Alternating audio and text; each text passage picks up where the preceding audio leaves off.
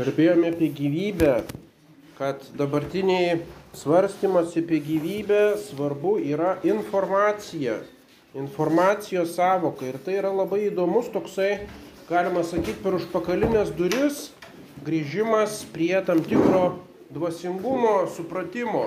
Nes dabartinis žmogus labai sunkiai suvokia, kas yra dvasia. Jam tai atrodo kažkas tokio mitologinio, būtent animizmas, dvasiniai dalykai, kurie nematerialūs, jiems kažkaip nedaeina. Kas tai galėtų būti? Ir būtent toks kaip pakaitalas dvasios dabar atsirado savoka informacija. Ta informacija gali būti tam tikros žinios, kurios yra kaip medžiaga supratimui, be įsakymo kažką tai daryti. Ir būtent tai yra pagal Aristotelį tiesos kontempliacija. Mes tiesiog suvokiam tam tikrą tiesą apie dalykus, arba kaip šventasis Tomas išaiškino, mes abstrahuojam iš mūsų jūslinių pažinimo, jūslių mes abstrahuojam tam tikrą abstrakčią tiesą apie dalykus, Tai tiesai mes sukūrėm savoką, šitą savoką mes pavadinam įvairiose, įvairiose kalbose įvairiais vardais ar žodžiais ir iš tų žodžių, žodžių susidaro žinios, kurias mes suvokiame savo protų ir kurios mums yra toks kaip tarpininkas tarp mūsų sielos ir tarp daiktų. Tai yra tos žinios. Bet informacija gali būti ir kaip komanda, arba kaip algoritmas, arba tam tikra komandų sistema, Ir tokia komandos, jos nukreiptos yra į veiksmą, į veikimą. Reiškia, paprasčiausias algoritmas, jei tai, jeigu tam tikros sąlygos, tada atsiranda tas. Ir šitokiai komandai, kaip mes matome, nereikia racionalaus proto. Šitokią komandą gali vykdyti ne tik tai, kad kompiuteris, bet ir koks nors ganėtinai paprastas automatas su jutikliais ir taip pat jinai vyksta genuose, būtent gyvose organizmuose be racionalaus proto. Komandos kaip algoritmas vyksta tam tikram veikimui. Ir informacija kaip žinios egzistuoja tik tai racionaliame prote. O būtent be racionalaus proto gali būti šitokia, šitokios veikimo taisyklės arba algoritmai. Jos yra lankščios, reiškia pritaikytos konkretiems poreikiams.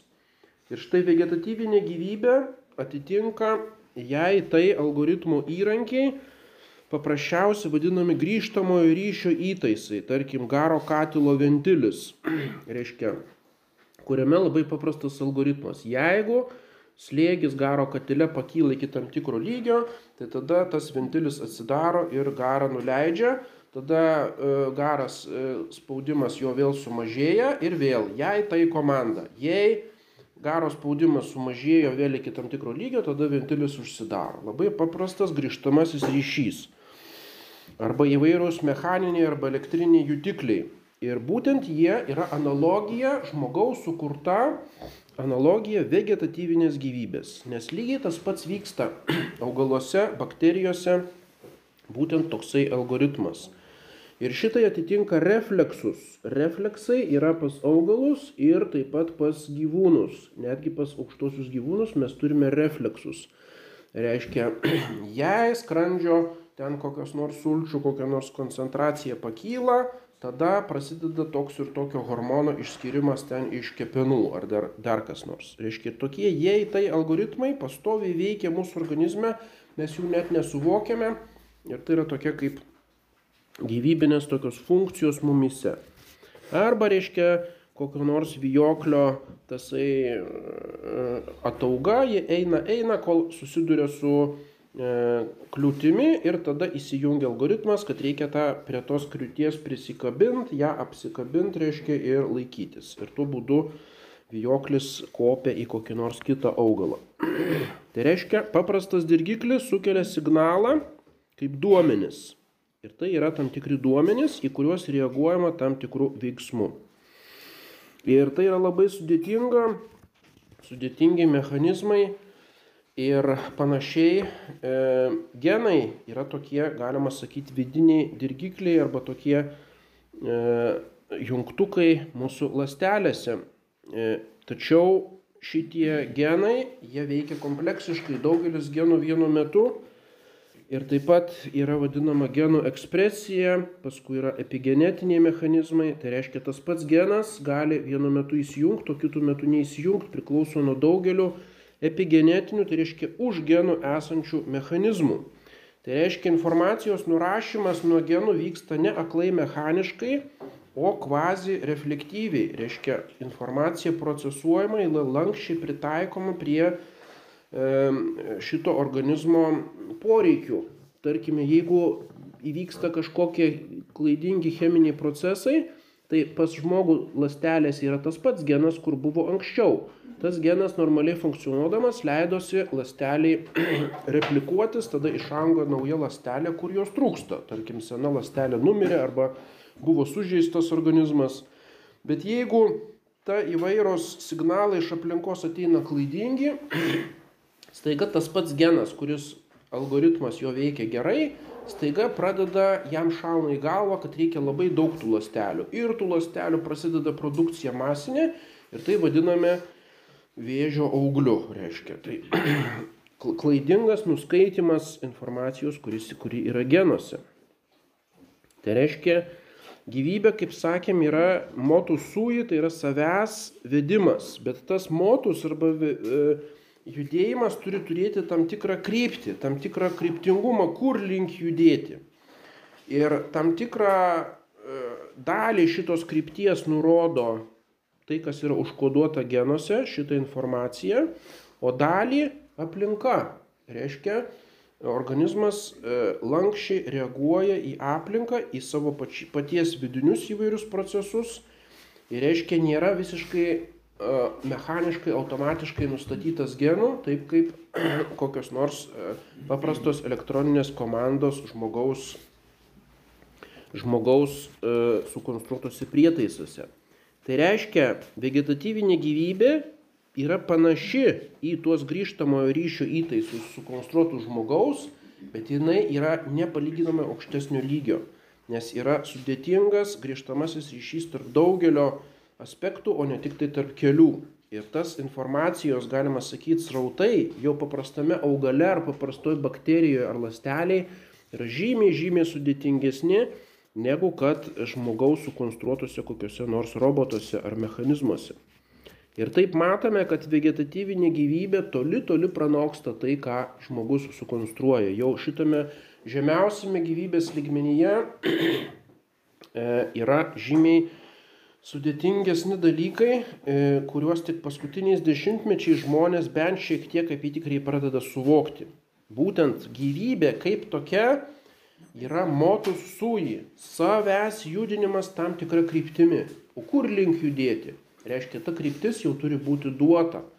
Reiškia, ateina iš kažkokio, iš kažkokio tai proto, kuris galima sakyti, užprogramavo visą, visą tą tikslingumą gyvybinėme veikime. Ir paskui einame į sensityvinę gyvybę. Jis perdoda, reiškia jau per jūslės, jau ne betarpiškas refleksas, o jau yra jūslės. Tai yra jau visiškai kitoks suvokimo būdas. Reiškia, jūslės gyvūnų atsirado ne tobulėjant refleksams, kaip bando įrodyti evoliucionistai, nes reflekso logika yra visiškai skirtinga negu jūslės logika. E, akis tai nėra šiaip savo reflektinis, reiškia kažkoks organas, kuris reaguoja į kažkokius tai šviesos spindulius, bet akis ir jos visas mechanizmas yra sujungtas su vadinamais vidiniais, vidinėmis jūslėmis, kurios yra smegenyse Ir reiškia, yra apdirbama nepaprastai daug informacijos visiškai kitame lygmenyje. Ir pagal tą informaciją akis susitraukia arba išsiplečia arba fokusuojasi. Reiškia, nėra vien akis, bet kartu tas ištisas mechanizmas smegenyse. Ir tai yra kaip viena sistema, kuri mato, kuri atskiria dalykus, kurie verti yra matomo, matymo. Reiškia, koks nors realis krenda virš lauko ir ten koks nors žmogus, koks nors traktorius ir jam iš karto viskas tas filtruojasi, jis nekreipia dėmesio į tuos traktorius, mašinas, ten kokias kalvas, akmenis, jam tas visiškai neįdomu. Ir staiga žiūri pelė judanti ir viskas, visas jo dėmesys iš karto į šitą pelę ir pagal tas jūslės visas jo instinktyvus mechanizmas reakcijos ir jisai šoka ir reiškia tą pelę pagrėbė. Tai yra stebuklas, kuris absoliučiai ne, ne, nepasiekiamas jokiems ten sudėtingiausiams, reiškia, robotams, dabar bando, reiškia, vadinamas pattern atradimas, kad tos tie dirbtiniai jutikliai atrastų kažkokius pattern, bet tai yra taip mechaniška ir taip primityvu, palyginus su realio suvokimu šitos pelės. Jis suvokia ne pattern, o suvokia kažkokią tai visumą, reiškia to judesio, kad tai nėra šiaip savo judantis dalykas, turintis tokią formą, bet tai yra iš tikrųjų jo grobis, kuris jam reikalingas maistui. Tai yra visiškai kitoks, kitoks lygmuo. Bet vis dėlto yra tam tikras panašumas su žmogaus sukurtais dirbtiniais jutikliais. Tai yra toks duomenų procesavimas, processing, reiškia išorinėse ir vidinėse jūslyse. Duomenys jau yra apdarojami pačioje jūslėje, o paskui jie eina į smegenis ir apibendrinami vadinamame sensus komunis. Reiškia, e, šventasis Tomas Akvinėtis jau perima šitas savokas iš Aristotelio, vadinamas bendrasis bendroji jūslė. Tai reiškia, kuris suvienyje, išsaugo atmintyje ir įvertina duomenis iš įvairių skirtingų jūslių. Nes mes tarkim, medžiotojas vienu metu ir lytėjimu, ir ausimis, ir, mm, reiškia, rega, jisai stebi tai, kas vyksta aplinkoje ir šitas sensus komunis visą tai suvienyje į bendrą vaizdą ar bendrą įspūdį jo sieloje. Taigi kompiuterio skaičiavimas ir dirbtinis intelektas e, šiek tiek primena būtent šitą informacijos srautą sensityvinėje gyvybėje.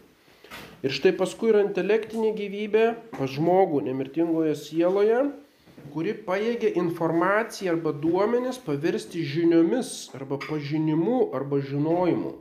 Ir štai žinios tai yra kažkas tai daugiau negu vien informacija. Mes jeigu kalbam apie informaciją, tai yra tokia kvantitatyvinis duomenų, reiškia kiekis. O iš šito kvantitatyvinio duomenų kiekio žmogaus protas sugeba atrinkti ir abstraguoti ir sukurti žinias ir gali jis pažinti daiktą. Ne vien turėti rinkinį duomenų apie tą daiktą, bet jį pažinti. Ir būtent šito turi, turėtų išmokyti mokykla. Sakoma dabar, kam čia reikia tos mokyklos mokytis geografijos. Viską gali per, per penkias sekundės paguglinti ir rasti, reiškia. Bet tai visa tai, ką tu googlini ir randi Wikipedijoje, tai yra duomenis. Reiškia. Ir kol tu ne, nemoki geografijos, tai visa tau yra tiesiog tekstų atvaizdėlių kažkokia tai košė didžiulė. Ir tu visiškai nemoki joje orientuotis ir nežinai, kas čia svarbu, kas nesvarbu.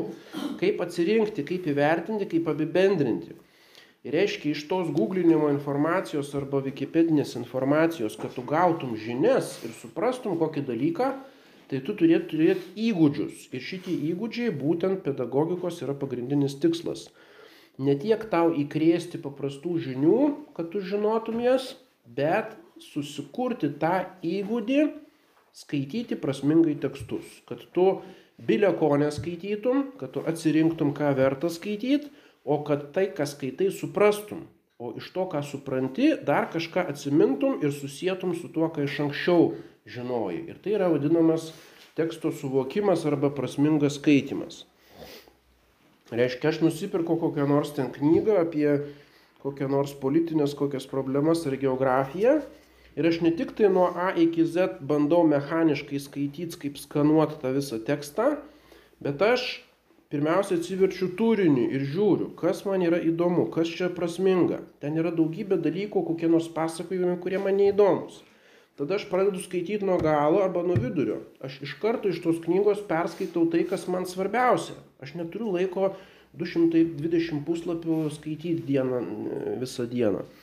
Ir aš tuos perskaitau, suvokiu, kas ten iš tikrųjų parašyta, kokia prasmė tų visų dalykų, ar jie yra svarbus ar nesvarbus, gal čia tik tai smalsumai kažkokie tai dalykai, o gal jie yra iš tikrųjų reikšmingi.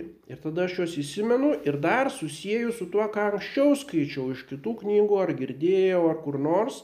Ir tada mano galvoj, aha, susikomponuoja iš tikrųjų, kaip viskas yra. Ir tuo būdu keli puslapiai ir net kelios eilutės iš gali būti daug vertingesni iš knygos negu visa likusi knyga. Ir tuo skiriasi žmogaus pažinimas nuo informacijos arba duomenų skanavimo. Nes kaip kompiuteris dirba, tai į jį įmeti informaciją ir jis viską iš eilės gromuluoja. Ir sunaudoja krūvą energijos ir krūvą, reiškia, laiko, kol jis iš viso to at, atrenka, kas jam reikalinga. O žmogaus protas turi vadinamą intuiciją arba intelektus, tai yra intus ledgerį, viduje skaityti. Jis žiūri duomenų masę ir jisai intuityviai mato, kas jam yra svarbu ir kas čia yra prasminga, o visa kita yra šiukšlės informacijos. Ir reiškia, jam nereikia visko iš eilės skanuoti ir visko įvertinti ir sulyginti, o jis iš karto atsirenka tai, kas reikalinga ir susieja į tam tikrą žinojimą. Ir tai jau yra dvasinio pobūdžio grįžtamasis ryšys, kurio nieks negali paaiškinti. Nei dabartinė eksperimentinė psichologija, nei vadinamasis neuromokslas, kuris žiūri į smegenis kaip į tam tikrą biologinį kompiuterį. Tai yra visiškai nesuvokiami dalykai ir būtent šitas žinojimo filosofija arba žmogiškosios informacijos filosofija dabar yra vienas iš tokių tikrai įdomiausių filosofijos ryčių, kur daug, daug kas specializuojasi ir tie filosofai per užpakalinės duris, per informacijos savoką galų gale grįžta prie tokių pamatinių, pamatinių metafizinių savokų, kas tai yra žinojimas, kas yra, e, kas yra e, žinios, kas yra išmintis ir taip toliau, kas yra mokslas. Ir e, galų gale per to, tuo būdu grįžtama prie dvasios savokos, nes visi tie dalykai yra dvasiniai, tai yra nepaaiškinama kažkokiais mechaniniais dalykais. Taigi informacija mes galime panaudoti visose tose trijose gyvybės lygmenyse ir jie šitas mm, panaudojimas mums tikrai labai naudingas yra. Tai reiškia, gyvybė yra savęs judinimas. Savęs judinimas tam tikra kryptimi, naudojantis tam tikrą informaciją, galima sakyti.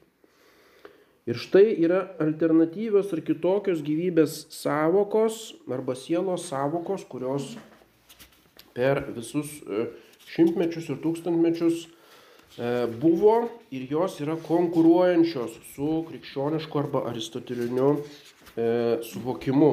Ir dabar šitos visos kitos kiti variantai vėl yra iš naujo iš filosofijos istorijos atkasami bandoma juos atnaujinti ir visokiais būdais išnaudoti. Ir šitoms pinklėms negalima pasiduoti ir todėl tas kitas teorijas taip pat reikia žinoti. Pirmiausia, tai yra graikų materialistinis savoka sielos, paskui yra mechanicizmas, tai yra iš René Descarto, 17 amžius, paskui yra vitalizmas, e, reiškia gyvybės toksai E, mistifikuotas požiūris ir paskui pats populiariausias dabar, kuris nepaprastai aktuolus yra e, mūsų klausime apie evoliucijos teoriją, tai yra organicizmas arba vadiname emergencijos teorija. Emergencija tai reiškia lotyniškai emergerė, kada iš e, paprastų dalykų, reiškia išplaukia, iškyla į paviršių tam tikra sistema arba tam tikra tvarka. Ir šitas teorijas pagrindinės galima peržiūrėti, kad suvoktume jų klaidingumą.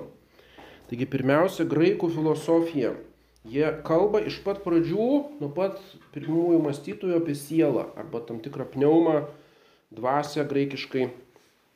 Ir šitą sielą jie supranta materialistiškai. Pas juos siela nėra kažkas tai dvasinio, bet tai yra tam tikras materialus dalykas, E, pas pirmosius graikų filosofus, kurie įvedė šitą savoką pneumą, tai yra nuo pnevein, tai reiškia pūsti. Tai yra oro pūtimas, tam tikras, o, tam tikras subtili tokia materiali substancija. Ir Aneksimenas, tarkim, toks filosofas, taip ir sako, kad viskas pasaulyje, pagrindinis kaip visų dalykų pradas yra air, tai reiškia oras. Tas oras reiškia kaip būtent tos pneumos atitikmuo. Tai yra toks pagrindinis elementas, iš kurios kyla kiti elementai, tai yra žemė, ugnis ir vanduo, o iš jų susidaro paskui visa visata. Toks primityvus, galima sakyti, materializmas. E, ir Anaksimenas rašo, taip kaip mūsų psiche Tai reiškia siela, būdama oras, išlaiko mus kartu, reiškia siela, būdama oras, išlaiko mus kartu, taip pneuma, būdama oras, išlaiko visą pasaulį. Reiškia, e, kodėl oras yra pagrindinis, e, e, kaip galima sakyti, elementas, iš kurio susideda vis, visi pasaulio dalykai, todėl kad jis daro analogiją su žmogaus siela, psiche. O siela irgi yra oras, kuris yra mūsų viduje ir jis mus išlaiko ir jo dėka mes kvepuojame ir dėl to gyvename. Nu tai toks ganėtinai primityvus mąstymas, bet iš esmės jis turėjo, e, e, graikai senovėje būtent taip ir mąstė. Ir tai perėjo į graikų mediciną, kurioje pneuma yra tam tikras oras, kuris cirkuliuoja e, visose vitaliniuose organuose ir e, tuo būdu žmogus yra e, gyvas. Tai reiškia, šito teisingo kvepavimo ir taip toliau visi metodai buvo žinomi čia ne iš Indijos atėjo, o jau graikų, graikų šitai materialistiniai medicinai. Ir tada žymusis, žymusis Hipokratas, reiškia medicinos tėvas, aiškina, kad viskas yra galų gale tasai oras, kuris turi tam tikrą šilumą, tas vitalinis šiluma šito oro, kuris suteikia visam visam kūnui gyvybę. E, ir taip toliau Galenas, e, kuris e, prašė, kad plaučiai įtraukia būtent šitą orą ir paskui kraujas jį perdoda į visą, į visą kūną. Aišku, tai yra teisinga, bet būtent pasytasai oras praktiškai sutampa su žmogaus siela. Na ir paskui Aristotelis būtent pas jį yra neiškumas. Viena, viena vertus išperima iš tos senosios graikų filosofijos tą vitalinį e, karštį arba tą orą ir tarkim jis visiškai nesuvokia, nors toks didis mąstytojas, kuriam tikrai nuo mąstymo nekartos skaudėjo galva, jis visiškai nesieja smegenų su mąstymu. Pas jį smegenis tai yra tokios drebučiai, kurie skirti būtent to vitalinio karščio atvėsinimui. Reiškia, yra toks kaip vėsinimo organas galvoje, per kurį karštis išeina į, į lauką. Ir jam visiškai nedaėjo Aristoteliui, kad smegenis skirti būtent mąstymui. Atrodo toks mums aiškus dalykas, bet graikams tas visiškai nebuvo aišku išleidžia garą žmonėms. Nu ir paskui būtent stoikai, kurie iki pat krikščionybės laikų buvo pati populiariausia Romos imperijoje filosofinė mokykla, būtent pas juos šitą pneumą arba šitas gyvenimo e, toksai kvapsnis, e, būtent jisai buvo viso pasaulio toks esminis, e, esminis e, elementas ir jie irgi jį suvokia materialistiškai, tai yra toksai kaip mišinys iš oro ir iš ugnies. Reiškia, oras duoda judrumą arba judėjimą, o ugnis duoda karštį arba tą gyvybinį karštumą. Ir reiškia, tas oras vis, viską persmelkia ir jis visoje, visoje, visame kosmose ir paskui šitą sielą arba pneumą jie tapatina su Dzeusu Dievu. Tai iš esmės viskas virsta panteizmu. Reiškia, kas yra Dievas arba aukščiausia dievybė, tai būtent tas vat, svarbiausias tas vat, visą gyvybę teikiantis kosmoso elementas. Tai reiškia, Dievas nėra atskiras nuo kosmoso, bet jis yra pačiame kosmose, kaip jo vidinė siela, kaip va toksai e, pasaulio kvepavimas, galima sakyti. Ir va taip mąstė graikai ir romėnai. Jokio čia nėra dvasingumo pas jos didelio, yra grinas materializmas. Paskui kita teorija tai yra mechanicizmas, tai yra žymusis prancūzų filosofas René Descartes, 17 amžius, e, kuris labai žavėjosi mašinomis, kurios jau tada Renesanso laikais pradėtos konstruoti. E, visos moderniosios technikos pradžia tai yra karo mašinos. Reiškia, karas, e, reiškia, kaip Herakleitas sakė, visas gyvenimas remiasi mirtimi arba destrukcija arba karu. Reiškia, iš karo visos technologinės naujienos, visi technologiniai nauji pasiekimai, taip pat visuomenės organizacija, kad būtų neišsisklaidytų žmonės, kad jie komandų teikimas, paskui provizijos teikimas, kad kareiviai nenumirtų iš bado, jiems reikia tiek ir tiek duonos atvežti, tiek ir tiek ten mėsos ir taip toliau. O visą šitą reikia staigiai pranešti, kad iš vieno būrio į kitą žinotų, kiek mums trūksta mėsos, kiek ko, nu ir tiesiog ir asmen, automatiškai reikia užrašyti kažką. Reiškia, raštas irgi atsirado iš karo, e, karo mašinos, iš provizijos, reiškia, dalinių aprūpinimo maistu ir, ir ginklais ir šaudmenimis. Reiškia, galima sakyti, iš karo viską, ką mes turim civilizacijai, vystėsi. Nu ir aukščiausias pasiekimas, kuris jau buvo graikų laikais, jau buvo visokie siurbliai, jau buvo keltuvai, buvo ten akmenų svaidimo mašinos, buvo visokiausios mašinos kūriamos karo reikmėms. Ir tas, aišku, buvo atrasta labai daug tų rankraščių, renesanse ir labai suklestėjo šita visa mechanika. Ir tada visiems jiems buvo viskas aišku. Tai yra pasaulio paslaptis. Viskas veikia kaip mechanizmas. O jau pats tobuliausias tai buvo vėlyvajam viduramžiais išrastas laikrodis. Reiškia, visur jau bokštuose buvo laikrodis, o jau Dekarto laikais, man rodos, jau atsirado šitie, reiškia, tie pastatomi laikrodžiai arba net rankiniai laikrodžiai. Nu, tai jau čia buvo iš vis genijaus, žmogaus genijaus aukščiausias pasiekimas. tai reiškia, visas pasaulis yra galų gale kaip toksai laikrodis, kuriame sklandžiai ratukai sukasi. Tai reiškia, Dekartas rašo, visata reiškia e, E, paskui yra planetų sistemos, kuriuose veikia gravitacinė ir išcentrinė jėgos. E, reiškia, viena vertus traukia vieni kūnai kitus, o kita vertus yra išcentrinės jėgos, kurie vienus kitus atskiria. Ir paskui, reiškia, visą tai perkelia į E, gyvybės e, sferą. Tai reiškia praktiškai René Descartes sako, kad visi dalykai skiriasi į res extensa ir res cogitans. Reiškia vieno, vienoj pusėje yra rex extensa, ištesti kūnai, o kitai yra mąstantis kūnai. Reiškia kūnas yra kaip materijos tamsok, tam, tam, tam tikra kombinacija, mechaninis dalykas O sielos substancija yra grinas mąstymas. Reiškia, iš esmės siela pas jį susiveda į tokius mąstymo procesus. Ir Dekartas vis dėlto dar išlaiko iš krikščionybės perimtą šitą sielos savoką ir ją dar sujungia su kūnu.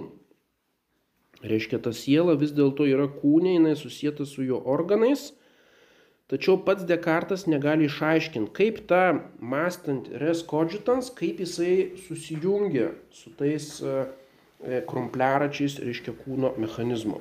Ir šito jisai pats nebesugeba išaiškinti. Ir štai res cogitans yra tik tai pas žmogų, nes tik tai žmogus moka mąstyti, o gyvūnai yra grynos biologinės mašinos. Reiškia, jis grinai mechaniškai įsivaizduoja, E, tokios dinaminės sistemos, kurios veikia per deterministinius fizikos principus, reiškia, čia paspausi mygtuką ir čia gausi tam tikrą veiksmą. Reiškia, visiškas funkcion, funkcion, funkcionalizmas ir taip toliau.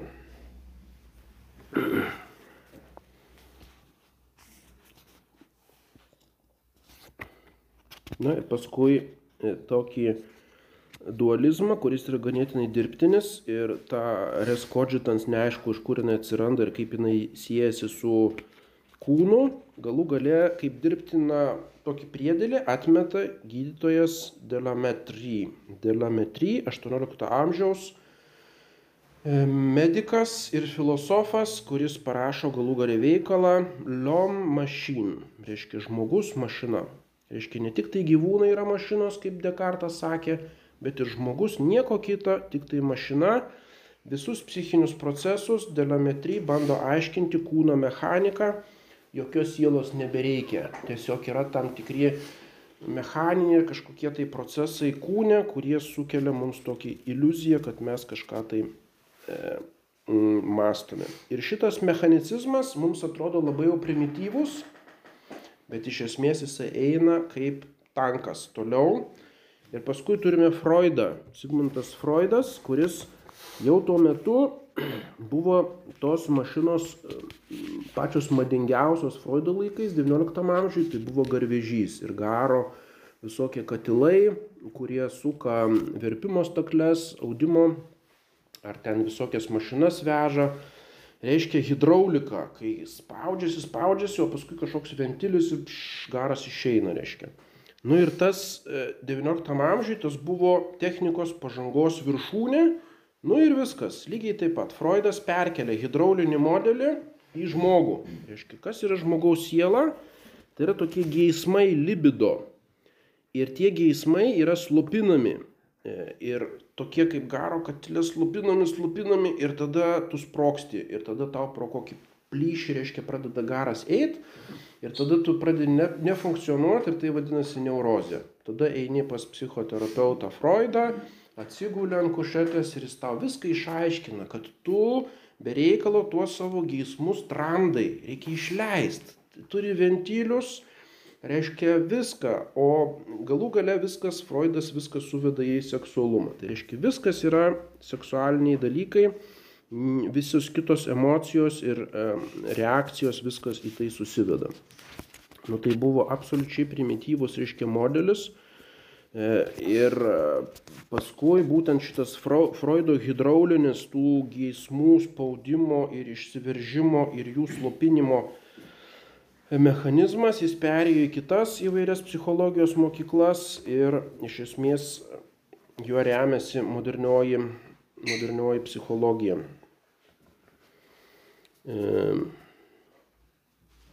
Ir Galų gale pats naujausias išradimas tai kompiuteris. Ir vėl žmogaus siela tai tik tai kompiuteris. Reiškia viskas pagal su naujausiais technikos pasiekimais tas pritaikoma, reiškia žmogus, žmogaus mąstymas, ar galų gale visa gyvybė, ar galų gale visas pasaulis yra tik tai tokia informacinė mašina.